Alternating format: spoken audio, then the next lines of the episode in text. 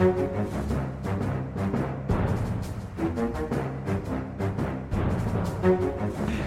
nei, vi ønsker vel i hvert fall velkommen til en ny uke med Aftenpodden. Vår eh, lille politiske podkast som tar opp det som er gøy. Jeg er Lars Glomnes, med som vanlig og som alltid politisk redaktør Trine Eilertsen. God dag, god dag. God dag, god dag. Har du kommet deg etter 1. mai? Ja, så vidt. Så vidt. Ja, jeg hadde bursdag 1. mai. Hvis Ja, det var noen som lurte på hva som skjedde på 1. mai. Så var det, Ja, ja. så var det det. Det er derfor 1. mai også er en festdag for Trine eh, og hele hennes familie. Og Trine flagger på 1. mai, men kanskje ikke av den grunnen som eh, folk flest tror. Eller, eller ville du flagga 1. mai hvis du ikke hadde hatt bursdag? Ja, det, ja det, du vet, min far han eh, utsatte i årevis å kjøpe flaggstang, fordi at naboene ville tro at han flagget for arbeidernes dag på 1. mai. Eh, hvis han flagget for min bursdag. Men han har gjort det, og nå flagger han, og sier han egentlig for begge deler. Ja, Det var raust og godt. Den nye Norge, vet du. Det er helheten. Og kulturredaktør Sara Sørheim. Ja, hallo. Hallo, hallo. Er det, har du fått nytt sommeruka? Nei, altså Jeg fikk jo et barn natt til 1. mai, eh, fordi jeg gjør alt sånn som Trine pleier å gjøre det. Så da ordna ordna jeg sånn at ungen min fikk bursdag også nesten samme dag som Trine. Så jeg har tilbrakt siste dagene med barnebursdager, og det er bare veldig slitsomt og ferdig snakka med det. Men jeg har registrert at det har blitt vår ute, så jeg kjenner meg glad, selv om jeg ikke har fått eh, vært ute. For det er jo noen av oss som eh, avbryter friuka si for å komme til podkasten denne uka. Ja, Lars. Så pliktoppfyllende er, er man. Eh, men det er bare en glede. Vi har også med oss eh, Ove Vannbo Velkommen. Takk, takk. Det er hyggelig å ha deg på plass. Veldig hyggelig å være her og høre så mange reflekterte meninger. Ja, ja. det her er bare å, er bare å forberede seg, altså. Dette.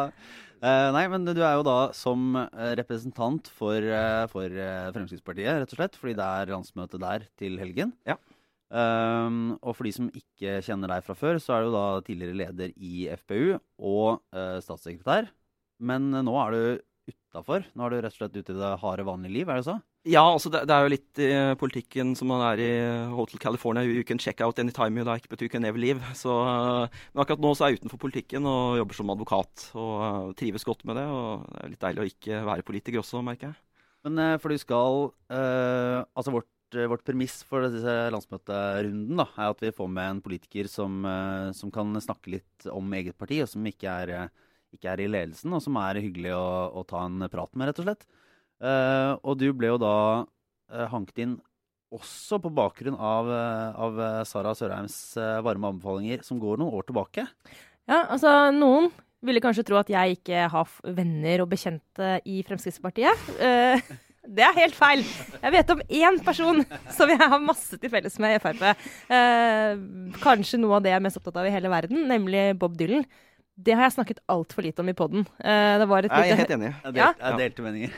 det var et høydepunkt rundt nobelprisen, men jeg har jammen ikke nevnt Bob Dylan siden det. Men uh, Ove og jeg ble kjent i den grad vi kjenner hverandre. I hvert fall vi ble introdusert Så gjennom en kjenner jo alle hverandre gjennom sosiale medier nå også. Så. Det er sant. Nei, fordi Da jeg jobbet i Dagens Næringsliv, så fikk jeg en henvendelse tror jeg, eh, fra deg. Eller var det jeg som kontakta deg? Uansett, du hadde skrevet en tekst om Bob Dylan.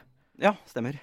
Nå prøvde jeg å finne den eh, på vei inn i studio, det klarte jeg ikke. Men jeg mener å huske at du uh, Nå må du korrigere meg over, men det var en korrigering av at det er folk på venstresiden som har omfavna Bob Dylan og tar han til inntekt for seg og sitt. Var det det? Ja, altså for det er jo en ganske utbredt myte, mener jeg, da.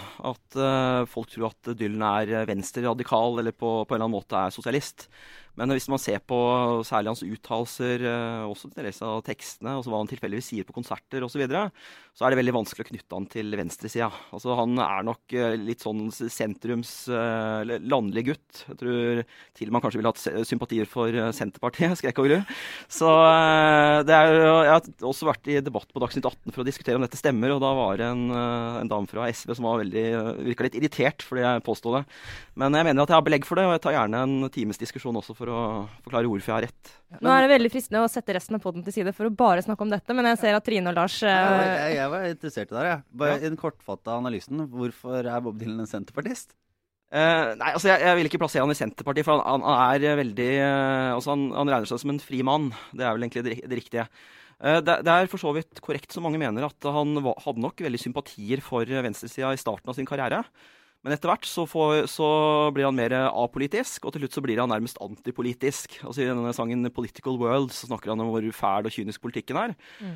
Og så sier han at nei, jeg har egentlig aldri ment noe om dette, og dette var kun i relasjon til uh, at jeg skulle ta tidsånden og, og, den type ting. da.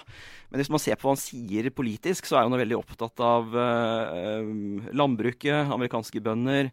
Han er eh, skeptisk til eh, globaliseringen. Eh, han er jo åpenbart også ganske konservativ på en del verdispørsmål. Men sier da også at han kjemper for frihet da, i en eller annen forstand, som, kanskje ikke liberalister vil være enig i, men at man skal være liksom, selvstendig og ikke knytte seg til noen.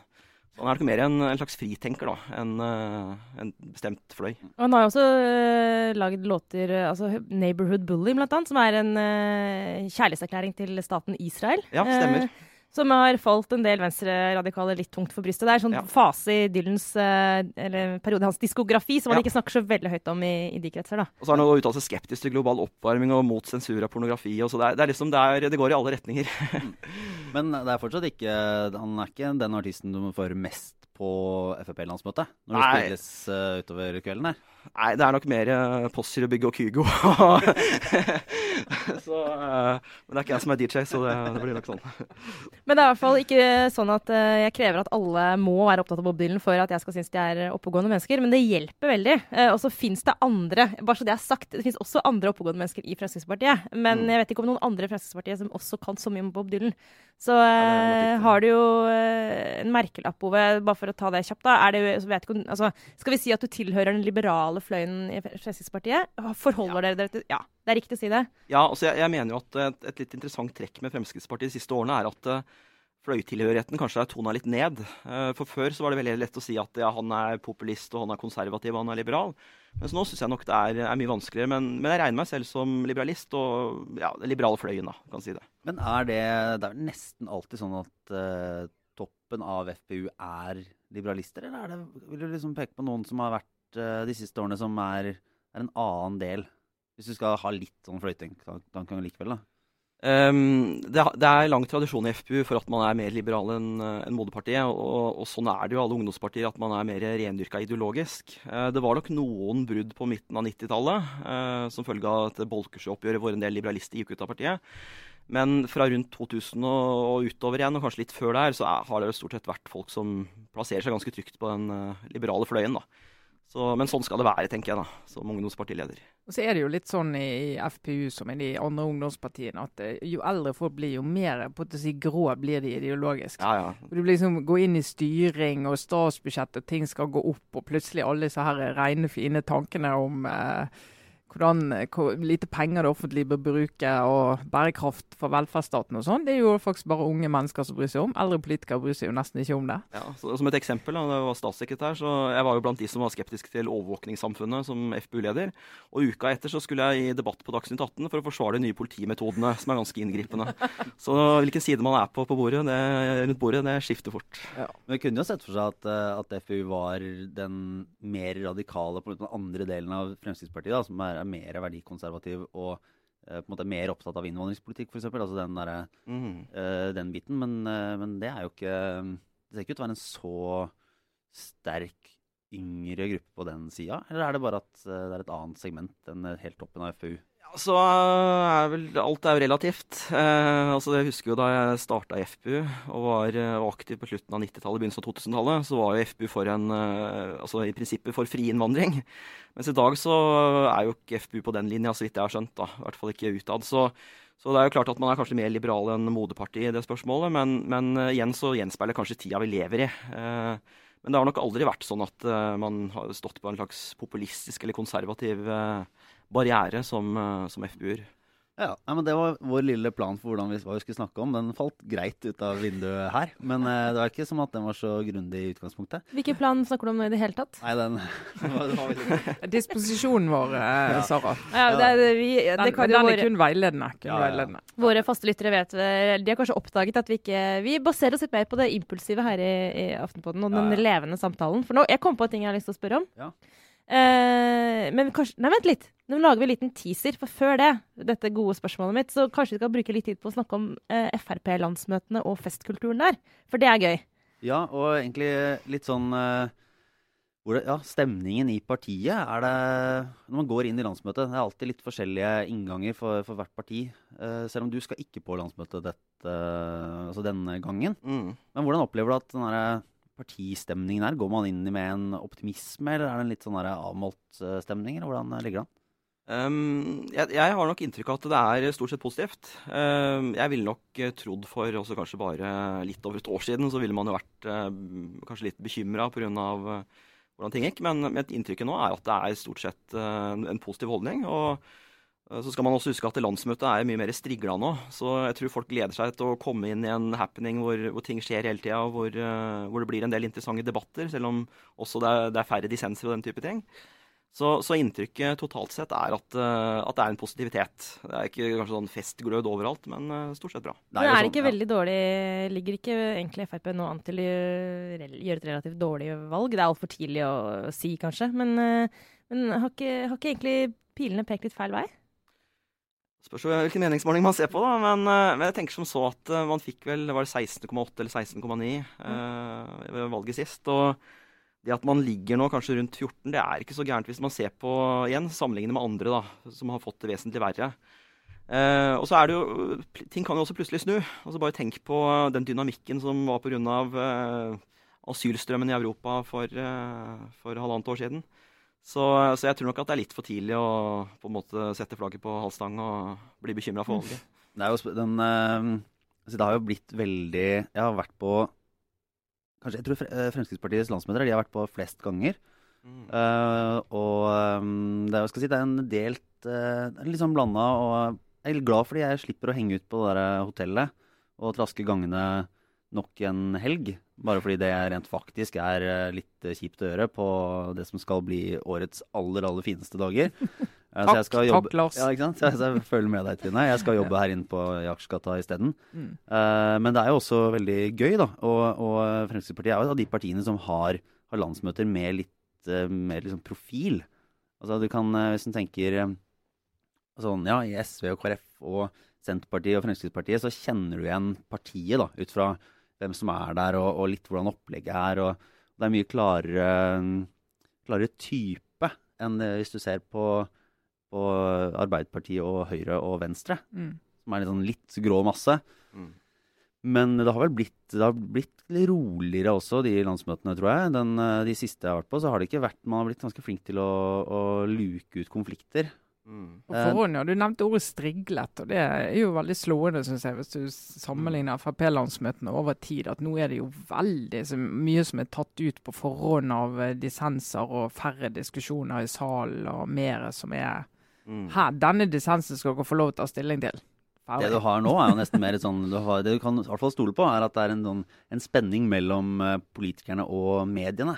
Mm, ja. uh, for det skal sies, det er uh, fryktelig mange hyggelige folk i Fremskrittspartiet, for all del, men det er, det, eneste, det er, et av de landsmøtene der man som kommer fra media, så opplever du en litt sånn derre en litt sånn grunnleggende fiendtlig holdning fra mm. de som er der. Uh, veldig mange som er skeptiske og, og tenker at uh, har litt piggen ute fra, fra første stund. Ja. Er, uh, er, det rart, syns du? Altså Jeg har ikke registrert det. og Jeg er for så vidt kanskje ikke så fiendtlig til media som andre i mitt parti. Men, men, jeg tror nok at det, det, spørs nok litt hvilken fase man er inne i òg. Altså hvis, hvis man sitter der og veit at det nå blir en krass debatt, og så kommer han dustete journalisten og skriver masse negativt om, om diskusjonen, så kan jeg forstå at eh, folk er litt skeptiske. Men hvis man ser, ser på hvordan landsmøtet forløper da, utover kvelden og, og festligheter og nachspiel, så tror jeg ikke det er så store barrierer mellom, eh, eller vanntette skott mellom eh, politikere og journalister. Litt for lite vanntette, kanskje? Og gode eksempler på at det kunne vært mer tettere. Ja, det, men, det, er nok riktig. Men altså helt, eh, hvis vi skal være litt ærlige, så eh, er det Jeg eh, tøysa litt med i stad det med å kjenne noen i Frp eller ikke, men det er jo sånn at det er nok det partiet hvor det er færrest vennskapsbånd mellom pressen og partimedlemmer. Mm. At i Nå må dere ikke misforstå meg, det er ikke slik at, at de som dekker landsmøtene, er nære venner med folk de intervjuer eller, eh, eller, på en eller annen måte dekker journalistisk. og Der er mm. profesjonaliteten mye høyere i pressen enn en, en eh, tidligere. Men det er klart det sosiale, tenker jeg på. altså Følelsen av å være på fest med noen du kjenner. Mm. Dette, nå, nå, ser jeg litt på dere, Trine og Lars, for jeg har ikke dekket landsmøter. Men jeg vet jo at det er veldig mange folk i andre partier, eller mange andre partier hvor jeg kjenner mange flere som er på landsmøtene. Fra eh, mange år i utelivet i Oslo. Mm. Eh, mens eh, Fremskrittspartiet er det som sosialt er fjernest fra meg. Og det tror jeg ikke at jeg er aleine om. Kan det, være, altså det kan ja, godt farge disse relasjonene ja, da, litt. Men jeg tror ikke det er ikke det at uh, Jeg tror ikke det er så man har så mange færre måte, bekjente eller folk man snakker godt med og har et veldig godt profesjonelt forhold til, sånn som det er i alle partier. Jeg bare tror at uh, det er ikke noe hemmelighet at det er et mer anspent forhold mellom Frp og media, og har vært det lenge enn andre partier. Man tenker på at det mistenksomheten kommer et sted fra. Men det er mange, det er mange flere det er bare mange flere som er sånn aktivt skeptiske i, i Frp. Og så er det mange som har litt glede av å, å kjefte på media. sånn at det bortsett mm. fra Uh, bortsett fra Senterpartiet, uh, så er det i Fremskrittspartiet har fått mest sånn kjeft i uh, Direkte utskjelt, liksom. Ja, ute på, ja. ut på, i kveldene ja. når noen kommer bort og er litt sånn der, foretar et oppgjør foran barn. Eller, mm. eller som en nåværende kronprinsesse brukte en ganske lang del av kvelden på å kalle meg en skittstøvel. konsekvent. Sånn mer eller mindre godmodig. Eh, så det, er liksom litt, eh, det er litt hardere fronter, men eh, det er, det er ikke noe stort problem, det. altså. Det er bare et, et faktum. Tenker at Det kan jo også skyldes at hvis du ser på altså mer sånn sosiokulturelle forskjeller, så er det vel få, få, grupper som er mer ulike, hvis du ser på journalister og Frp-ere. Det ene er jo på liksom det grunnleggende verdisynene. altså Frp-velgerne er de mest materialistiske. Mens journalister stemmer jo på partier og tilhører segmenter som er mer idealistiske og, og internasjonalt orienterte og den type ting.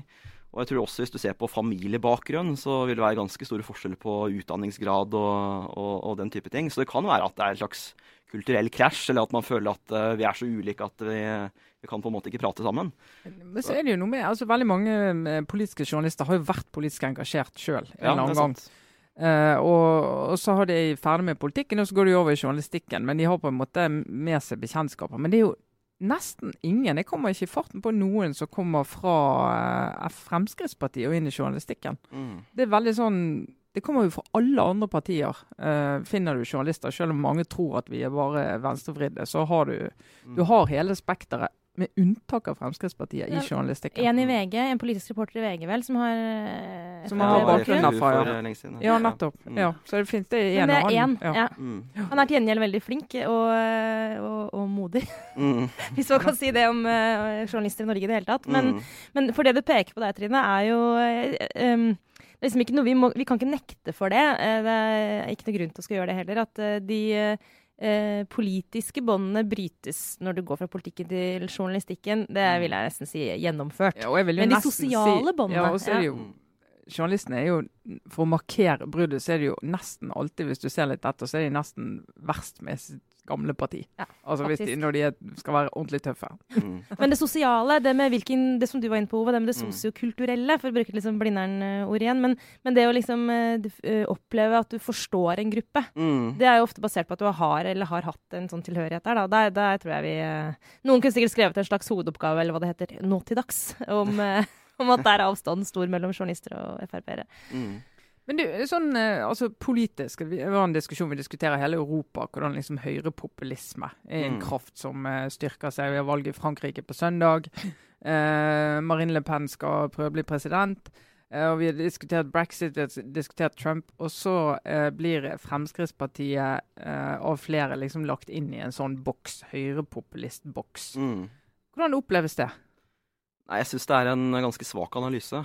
For det er, det er jo klart at uh, noen ting vil man alltid ha felles. Og det er jo klart at uh, man er, er, eh, er, i det partiet som har den kraftigste skepsisen mot innvandring.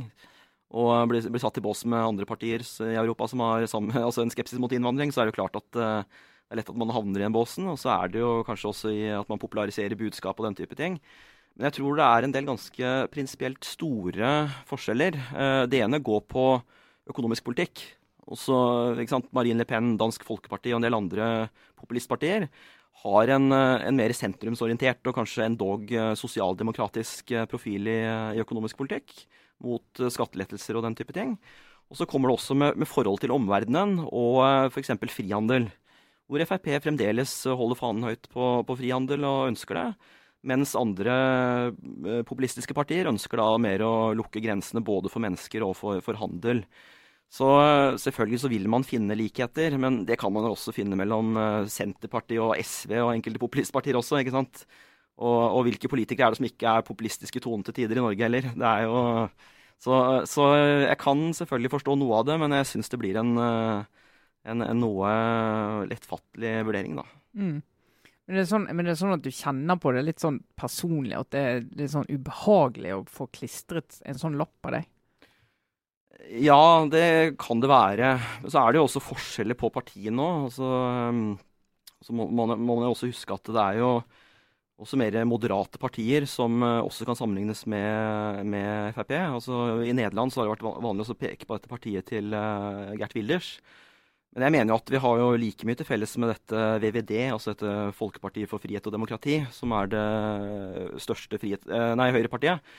Så, så eh, ja, jeg, jeg syns det er ubehagelig, men samtidig så tenker jeg at i likhet med alle disse dumme hattediskusjonene, hvilken hatt man har på seg, så får man da heller argumentere og, og ta det på den måten. Mm. Det, vi, vi, må jo snakke litt med dere altså med Frp også, om, om regjerings, eh, regjeringsdiskusjon inni partiet. Altså, du, mm. I Kristelig Folkeparti og Venstre så er det jo liksom, det er det de kommer til å bli spurt om frem til høsten. Og så mm. er det Frp som er sånn altså Jeg har jo en følelse av at mens i starten var det en del som var litt sånn skeptiske for å se hvordan, hvordan skulle dette gå med partiregjeringen, så er det nå veldig sånn komfortable. Ja, vi mister noen prosentpoeng, men vi er trygge på at det er der vi gjør hjemme. Eller mm. fins det en diskusjon om at det ikke er verdt det? Altså, jeg, jeg, kan naturligvis ikke gå inn i de, liksom, de dypeste interne diskusjoner. Eh, men jeg tror at hvis du ser på hvordan dette har fortonet seg utad, for det vil jo ofte gjenspeile hvordan det er innad, så er det jo forbausende liten eh, altså Det er ikke noe folkekrav som jeg har sett, hvor folk krever at vi skal på en måte storme ut av regjeringskontorene. Og Det er jo også verdt å merke seg. Og så tror jeg nok også at de, de fleste, og det merka jeg også selv, at Eh, det kan være noen, noen, saker som er betente og skaper problemer. altså At vi ikke har fjerna alle bompengeringen og, og, den type saker er jo naturligvis uh, irriterende.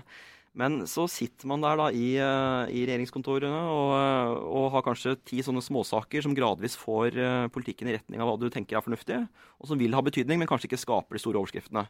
Det tror jeg nok gjør at en del ser at det er fremdeles verdt å holde ut, i hvert fall litt til. Mm. Spennende. Det er jo et forskjell der også, på, på, hva som Det er lettere å se de små seierne hvis man sitter tett på regjeringsarbeidet, da, enn det kanskje er å sitte ute i, i fylkeslag der man uh, se på den samme forbanna veien som er hull i, ja. eller på, på bompengene du må betale hver dag. det er jo Nå kommer jo de, det er jo de som kommer på landsmøtet nå, er jo ikke alle de som har sittet og, og forhandla fram noe de vet kunne vært verre mm. i månedsvis. Så blir det interessant å se hva som faktisk uh, kommer fra fra grasrota og de som stiller på landsmøtet. Men eh, det er jo en viss mulighet for at eh, det har foregått en slags sortering der også. Det, det er jo en morsom eh, dissens da, som vi selvfølgelig har merket oss her i Aftenpodden. og Det er jo at det er et mindretall som ønsker at kommunesammenslåing kun skal skje frivillig. Mm. og ikke med tvang. Mm. det, det, mener jeg husker faktisk var også et Frp-standpunkt på begynnelsen av 90-tallet. Ja, det var jo det før. Mm. men så plutselig møtte de Høyre, og så var ikke det lenger. Men Høyre òg mente jo det før. Mm. Det er frivillig fra nå av, da. Det er ikke reversering. Ja, alle de som ikke sitter i regjering, de får frivillighet, og de sitter i regjeringen for tvang. Sånn er det mm. alltid ja. vært. Men det er første gang vi går inn i en valgkamp nå hvor både partiet ytterste venstre, eller nest ytterste venstre, og til høyre har eh, regjeringserfaring. Og er litt skadet av det, og har en, en, en diskusjon Eller skadet eller ikke skadet kan man diskutere, da, men både SV og Frp har nå en uh, mer eller mindre levende diskusjon om det er uh, outsider-rollen eller den ansvarlige regjeringspartneren som er den riktigste rollen å dyrke, altså opposisjonspartiet uh, eller det ansvarlige. Men Frp har jo klart seg langt bedre enn SV ja, ja. i året, sant? Men det er jo et element, selv om, selv om, det ikke er kanskje Altså, hvor åpen den debatten er i partiet, det vet kanskje bare de som sitter i de sentrale posisjonene. Men, men det er jo en diskusjon Fridtjof Jacobsen var inne på det i VG denne uka om, mm. liksom, om og, og spekulerte i en mulig sånn uh, Listhaug-æra i årene som kommer, hvor man virkelig bare skal dyrke opposisjonsrollen og heller sørge, prøve å bli størst og, og, på den måten gjenvinne makten igjen. Uh, men det er bare en annen type dynamikk i norsk politikk nå, når du har, har regjeringserfaring helt, altså, ja, uh, i alle partier. jeg opplever at det gjør det enda mer åpent. Jeg tror aldri nesten at jeg kan huske et valg som er så åpent som det vi går inn i nå, hvor det er så mange sprikende Altså det er så mange alternativer, men det er ingen tydelige. Det er gøy for oss, da. Men tror du bare, Vi må ta den her helt, uh, helt uh, kjapt, egentlig. Men tror du hvis Fremskrittspartiet faller fra, fra, sånn, fra forrige valgresultat, og sentrum på mirakuløst vis skulle bli større eller like store Det er jo ikke et uh, usannsynlig, men det, er det, det som har vært mantra fra Siv Jensen til nå, har vært at ja, vi støtter ikke en regjering vi selv ikke er en del av. Mm. Men innebærer det at man faktisk vil felle et annet borgerlig alternativ, tror du? Eller er det bare lukker man øynene og håper at det vil holde så lenge som mulig på, på det man har? Altså er det Kommer man på noe tidspunkt til å sette makt bak det kravet? Om at man skal sitte i regjering selv, ja? Nei, om at man, altså man faktisk vil ta konsekvensen av å felle en Solberg-regjering, da, som man eh, ikke er med i. Ja, altså det, det, tenker jeg blir veldig vanskelig å vite om. Men, men jeg tror jo at uh, selvfølgelig at man mener det genuint. At man ønsker også at man ikke støtter en regjering man ikke selv er, er med i. Altså det er jo landsmøtet vedtatt og helt tydelig. Uh, dette kan jo løses på andre måter òg. Altså, det kunne vært løst ved at Venstre eller KrF går inn i regjering. Altså, det er jo en, en måte å løse det på. Men jeg tror ikke man, man kan regne med noe, noe velvilje at uh, Frp plutselig sier at ja, nei, nå, nå, ser vi at dette blir for vanskelig og posisjonen endrer seg, og da får vi være greie mot Venstre og KrF. Det har, det har ingen tro på, for å si det veldig forsiktig. Ja, det, for denne irritasjonen mot Venstre og KrF, den mm. stikker jo dypt. Uh, det er nok veldig avhengig av, av, hvilket felt man jobber med. Uh, men det er klart at når man er i arbeidet med en uh, presumptivt samarbeidspartner som uh, man skal ha et parlamentarisk grunnlag med, og, og det er veldig varierende hva slags støtte man får derfra, så er det jo irriterende. Altså det det syns jo jeg også, når jeg jobber med saker og plutselig ser at det man trodde var en, en grei avtale, ikke er det likevel. Det, men det gjelder, tror jeg gjelder alle politikere. Altså man Selvfølgelig er sånt frustrerende. Ja. Det, og det uttalelsen fra Hareide de siste ukene har jo ikke akkurat, det tyder jo ikke akkurat på at han omfavner Frp med, med varmeklemmer, i hvert fall. Nei, sant. Nei, men Vi får gå litt inn, for du skal videre, Trine, ganske snart for å møte ja, Yngve Slyngstad. Vi skal besøke av eh, oljefondsjefen. Ja. ja. 8000 milliarder kroner nå ja, på fondet. Vi må snakke om det. Ja, det er bra. Uh, men uh, vi får ta en liten runde med obligatorisk refleksjon inn i uh, årets varmeste helg. Ja, Har du jeg kan begynne, jeg. Ja. ja, det er jo valg på søndag. Emmanuel Macron skal det tror vel alle, vinner over Marine Le Pen. Og i den uh, forbindelse så blir jo han omtalt uh, masse. Uh, og familien altså. Ikke minst hans kone, Brigitte. og hun er jo mye eldre enn han. Hun er 64, og han er 39. og de møttes på en spesiell måte. Han var bare 16, og hun var 39 for da lenge siden. Og han var skoleelev, og hun var lærer. pikant.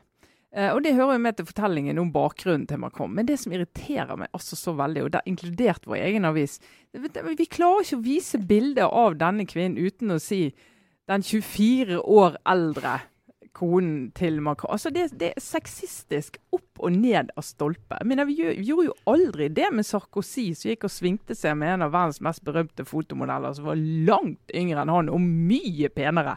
Men Tina. Dette her Ja, det er samme aldersforskjell som det er mellom Donald Trump og Melania Trump. Men, ja, men det er jo en enormt stor forskjell på å møte noen når den ene er lærer og den andre er elev. Ja, Og når den eleven er, eleven er 16 år. Ja, men, men det, jeg skjønner at den historien må fortelles, og den blir fortalt opp og ned. Men når vi liksom skal fortelle om forrige, altså forrige første valgrunde, eh, da han vant, og de liksom hadde en sånn seierskyss på scenen, og de fikk masse kritikk for at de tok seieren på forskudd, og det var det som var saken, de fikk kritikk for at de tok seieren på forskudd, så vinkles også det på at Macron og hans 24 år eldre kone. Det går ikke an. Men kalle det sexistisk. Jeg vil sikker. hvis, ja, det en, hvis, det hadde vært en, hvis det hadde vært en, en, en mann som da ble sammen med sin elev og så skulle være, Jeg tror det har vært slutten på den politiske karrieren. Men Kan altså. du fortelle meg hvorfor det er relevant nå, hvis han har hatt en lang karriere, politisk karriere i Frankrike, og de åpenbart aksepterer det, eh, og nå er han presidentkandidat, så skal du hele tiden påpeke hennes alder?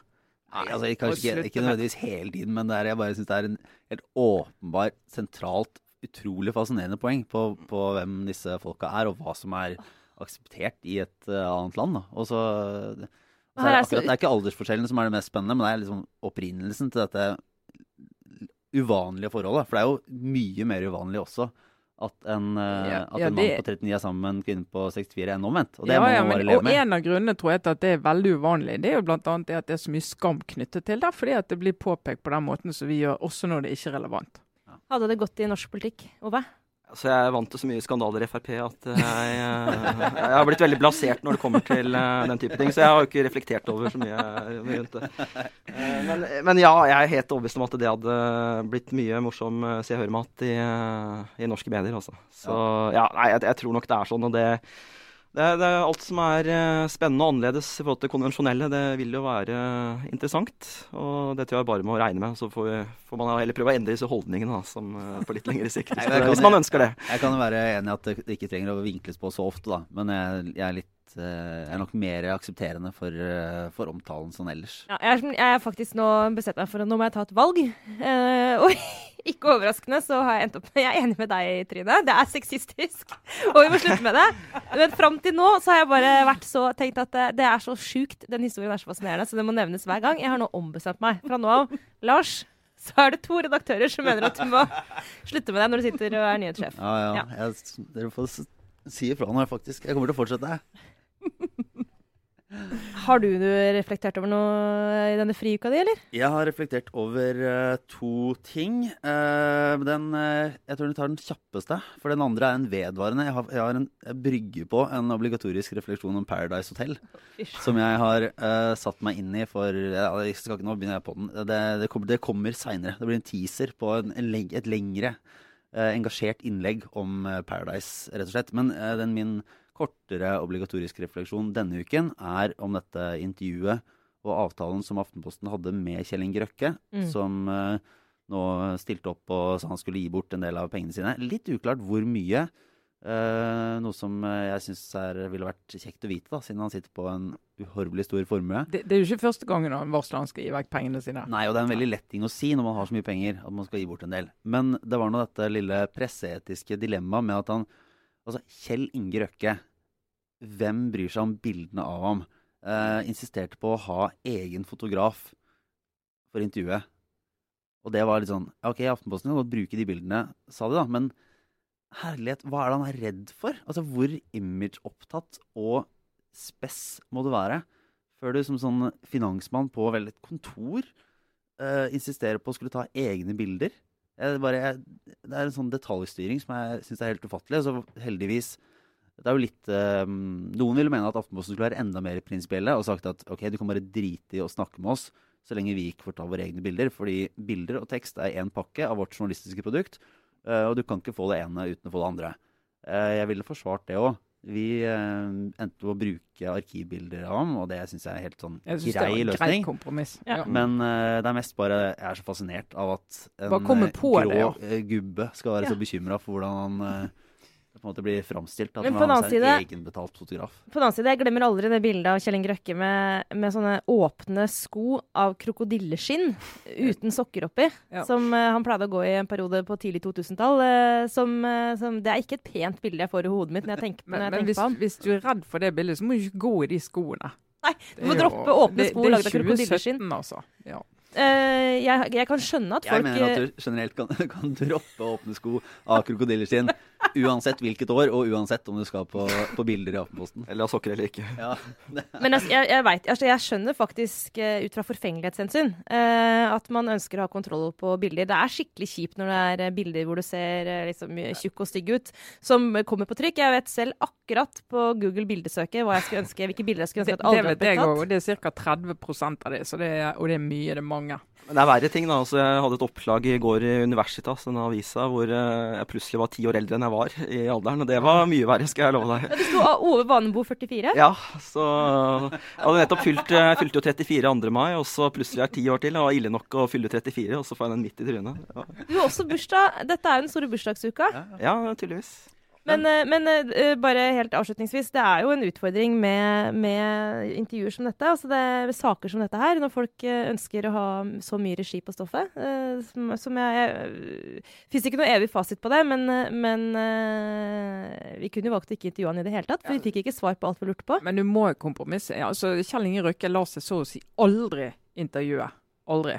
Veldig sjelden. Og han er en mann med mye makt, eh, i form av sin, i kraft av sin formue og sine roller. Eh, så du, du, benytter anledningen til å snakke med han, og liksom bare si nei, vi skal ikke snakke med deg for ikke å få bilder. Det burde vi hatt, men det er viktigere å få mannen i tale. Rett og slett. Ja, ja det er egentlig det er jeg enig i. Sara, du da?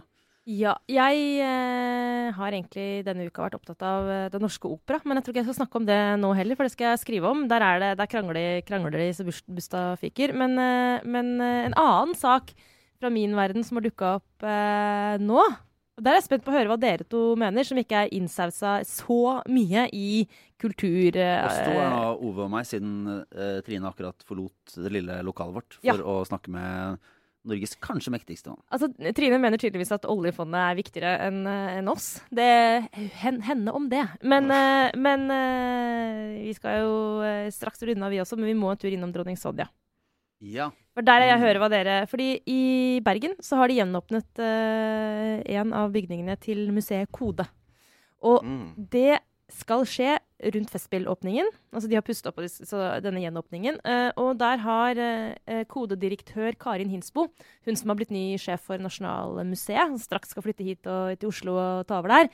Men noe av det siste hun gjør som uh, direktør i Bergen, er da at hun har invitert dronning Sonja til å vise fram sine malerier, altså sin kunst, mm. I en egen utstilling i dette nye museet. Og det har virkelig fått det til å klikke for uh, en god del uh, i kunstverden som mener at det er helt uhørt når du har utrolig mange profesjonelle kunstnere i Norge mm. eh, som ville dødd for å få den utstillingsplassen. At du velger det, å gi det til en hobbymaler. Det mener jeg òg. Ja. Har det noe kommersiell verdi for dronning Sonja? Skal hun selge disse, eller er det bare for å få vist seg frem? Nei, altså Jeg tror ikke det er til salgs. Nei, det har jeg faktisk Nei. ikke sjekka. Godt Nei. spørsmål, men jeg antar at det ikke er det. Jeg tror ikke hun Ja, da måtte hun gitt bort penga til et veldedig formål eller et eller annet, tror jeg. Men nei, ja. det er ikke en salgsutstilling, meg mm. bekjent. Da, jeg syns det bare virker som en, eh, et underlig valg. Eh, ja, nei, for, for også her er det jo en ganske stor mulighet til å kanskje fronte noen nye talenter, eller uh, altså gudene veit, kanskje noen som er på vei til å gå oppover, uten at jeg har veldig peiling på akkurat den biten av, av kulturverden. Så nei, sånn intuitivt, da, for å svare på det du lurer på, ja, det, er, det virker underlig.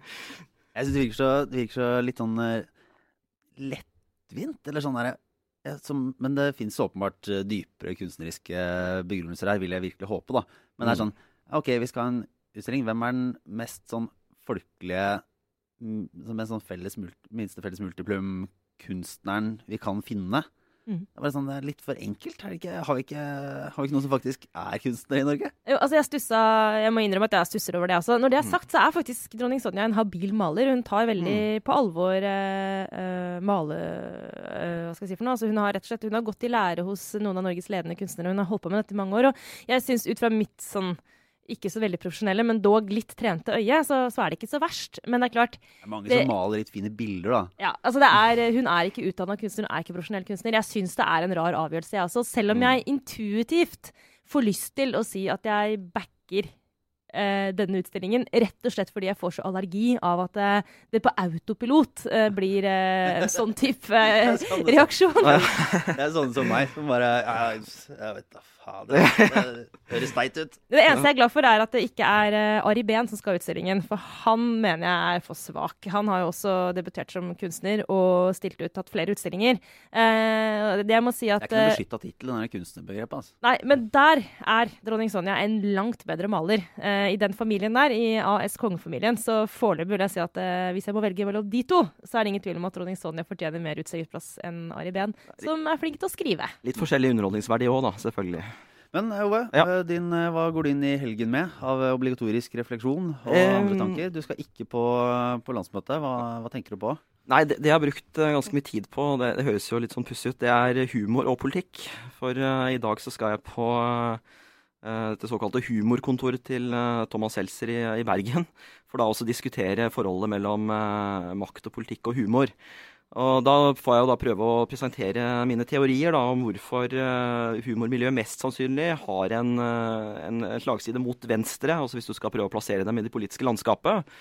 Og da har jeg jo gått gjennom alt fra sosiologiske undersøkelser til, til forskning på hva hvordan er konservatives psykologi til Også en del sånne utstøtingsmekanismer. Da. Er det noe som gjør at folk på høyresida ikke føler seg hjemme der?